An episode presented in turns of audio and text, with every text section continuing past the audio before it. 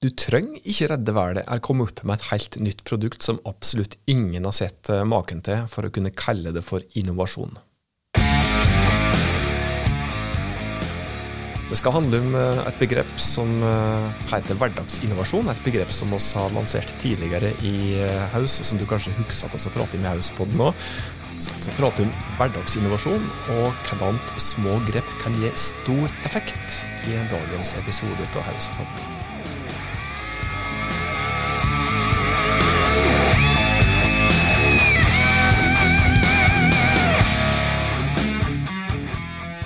Hei, du.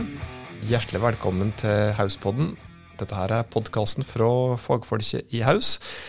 Og så er det med en podkast uh, som er for deg som ønsker enkle, men effektive tips til hvordan du kan ta grep for å nå strategiske firmamål, og det er sjøl om du ikke nødvendigvis har millionbudsjett eller verdens største markedsavdeling i ryggen.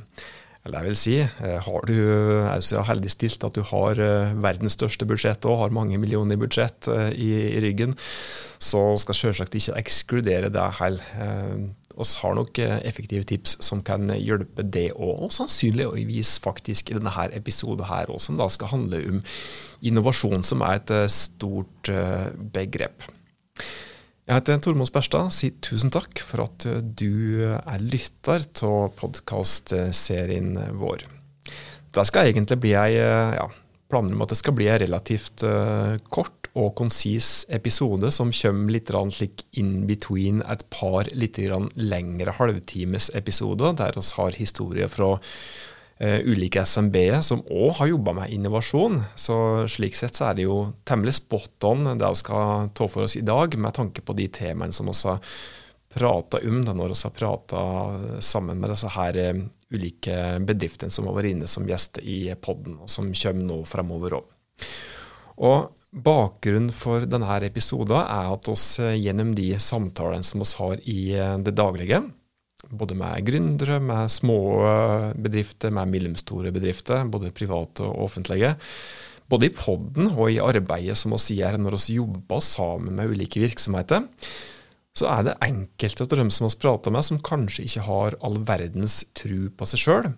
Det er ikke slik at de nødvendigvis prater seg sjøl ned, men de er, ja, de er, utrolig flinke til å ha fokus på det, at det som de leverer, skal ha verdi eller være til nytte for kundene sine i dag.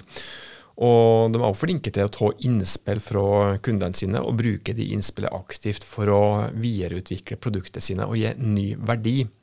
Og greia er at når de gjør det, så jobber de faktisk innovativt, uten at de nødvendigvis tenker på det som de driver med som innovasjonsarbeid. For det er jo da en del en del eh, ja, misforståelser ute og går på hva egentlig innovasjon er for noe. Det er litt slik begrepsforvirring, som det er med en del andre ting òg. Og innovasjon per definisjon så er det egentlig ja, ikke si enkelt forklart, det er bare i, i gåseøyne. Men innovasjon handler om å skape ny verdi, eller større verdi, for kundene dine. Enten ved å gi ny verdi på bakgrunn av tjeneste eller produkt som du kanskje allerede har lansert, eller ny verdi på bakgrunn av helt nye produkt og tjenester, eller ny verdi på bakgrunn av kanskje en kombinasjon av produkt som du har hatt før, og nye produkt som kan bidra til å forsterke eller gi økt verdi for eh, det produktet som du har fått på plass eller lansert eh, tidligere. Og hvis du har hørt uh, eh, f.eks. episoder med Chris Håvard fra Auckland, hvis du ikke har gjort det, så anbefaler jeg at du spoler deg tilbake til den episoden rundt omkring ja, episode 170 eller 169, tror jeg det var. Uh, hvis du har hørt på en episode der, så husker du kanskje at det kan være lurt å finne det som Chris Håvard kaller for kunden din sitt magesår, og se på hvordan du kan løse dette her. Enten fjerne hele magesåret eller gjøre plagene litt mindre. Det blir sikkert metaforisk eh, nok, dette her, men, eh, men eh, da er en faktisk òg inne på det som er noe godt å kjerne i innovasjon, og som du kan bruke som utgangspunkt for å skape ny verdi. Og Skaper du ny verdi, og kanskje større verdi for kundene dine, så er det jo òg mer sannsynlig at kundene dine velger det på, ja, på nytt, eller kanskje velger det istedenfor den andre, hvis de ikke er kunde ja, hos det fra før. Eh, det er òg mer sannsynlig at hen kjøper mer og oftere fra den bedriften som du jobber i, og kanskje òg er mer villig til å betale en høyere pris. Så slik sett så kan du altså ved å jobbe innovativt få bedre produkt, bedre tjenester, og øke lønnsomheten din sjøl. Og så lenge innovasjon òg kan handle om små grep, så lenge du er ny eller økt verdi, så kan altså de små grepene som du gjør, vi kaller det for hverdagsinnovasjon i Haus, eh, så kan det òg komme inn under innovasjonsbegrepet.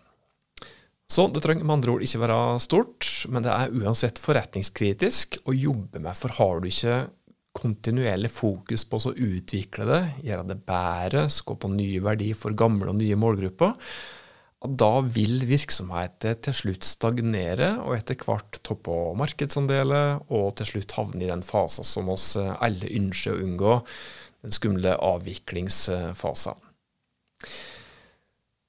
Så da er oss kanskje litt mer bevisste på at det er viktig å jobbe med innovasjon, og at innovasjon ikke nødvendigvis trenger å være så stort og kanskje skummelt. Det finnes mye god hverdagsinnovasjon som du kan jobbe med.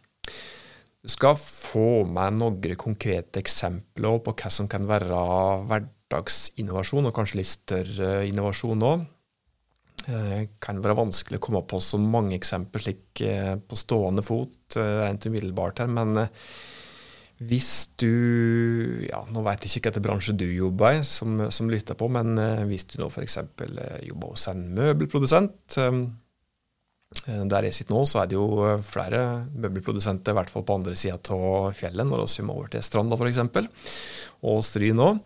Eh, hvis du er en møbelprodusent og kanskje har hatt en lenestol på markedet ganske lenge der du ikke har noe, ja, ikke har noe utbyttbare deler da, per i dag, slik at når kundene dine som har kjøpt stolen, da enten ødelegger f.eks. armlenet på stolen, eller ikke syns at designet er noe fint lenger, så må vedkommende kjøpe en helt ny stol.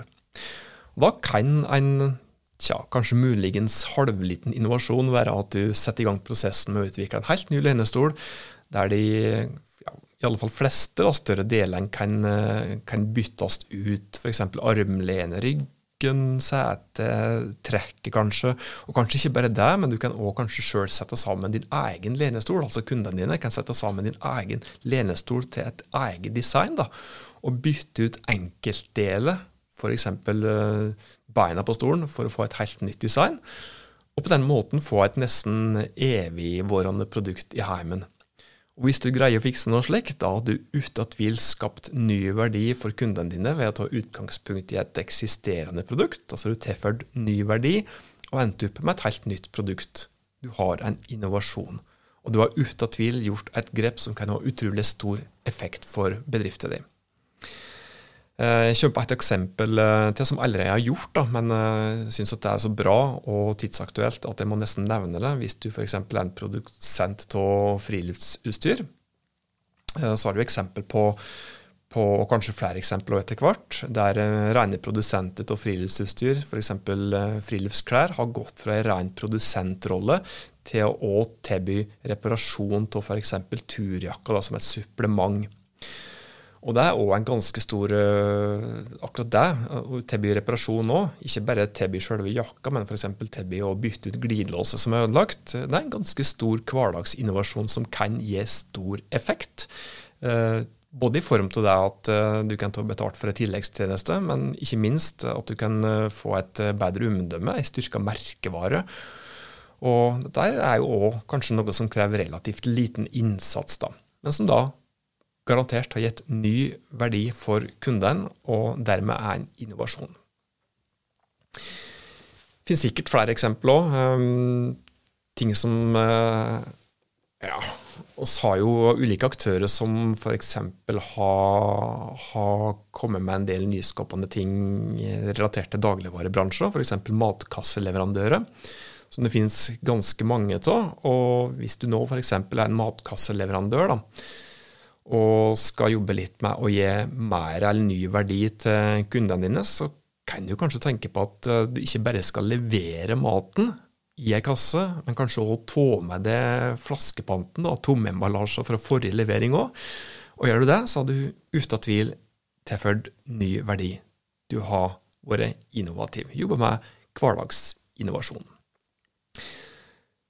Så da har du forhåpentligvis uh, fått uh, litt begrep og forståelse, bedre forståelse rundt innovasjonsbegrepet. At det ikke er så stort og skummelt. At det er mye bra som du kan få til når du jobber med såkalt hverdagsinnovasjon. Rett og slett fått litt begrep rundt hvordan små grep i hverdagen kan hjelpe dem med å lage bedre produkt og tjenester, skape større verdi, slik at du òg kan kan eh, få økt lønnsomhet. Før oss avslutter dagens episode til Hauspodden, så må vi prøve å eh, dytte fram noen. Ikke dytte fram, men eh, komme med ukas framsnakk i form til å hjelpe noen litt fram. Gi noen som, så absolutt fortjener et klapp på skuldre, et skikkelig stort digitalt klapp på, på skuldre si. Denne uka her så vil vi gi en liten framsnakk til kjernemodellen og kjernemodellens far, som heter Are Halland. Kan hende at du husker han fra en tidligere podkastepisode, men han har jo da utvikla noe som heter kjernemodellen.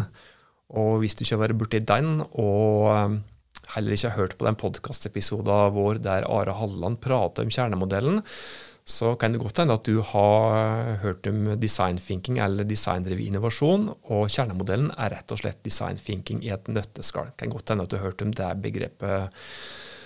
Men kjernemodellen er jo da kanskje ei enda enklere metode, men som du òg kan bruke sammen med f.eks. designdrevne innovasjonsprosesser. Så vi har faktisk fått hekta ukas framsnakk òg på dagens eh, hovedtema. Det var det som vi hadde å by på i denne utgaven av Hauspodden.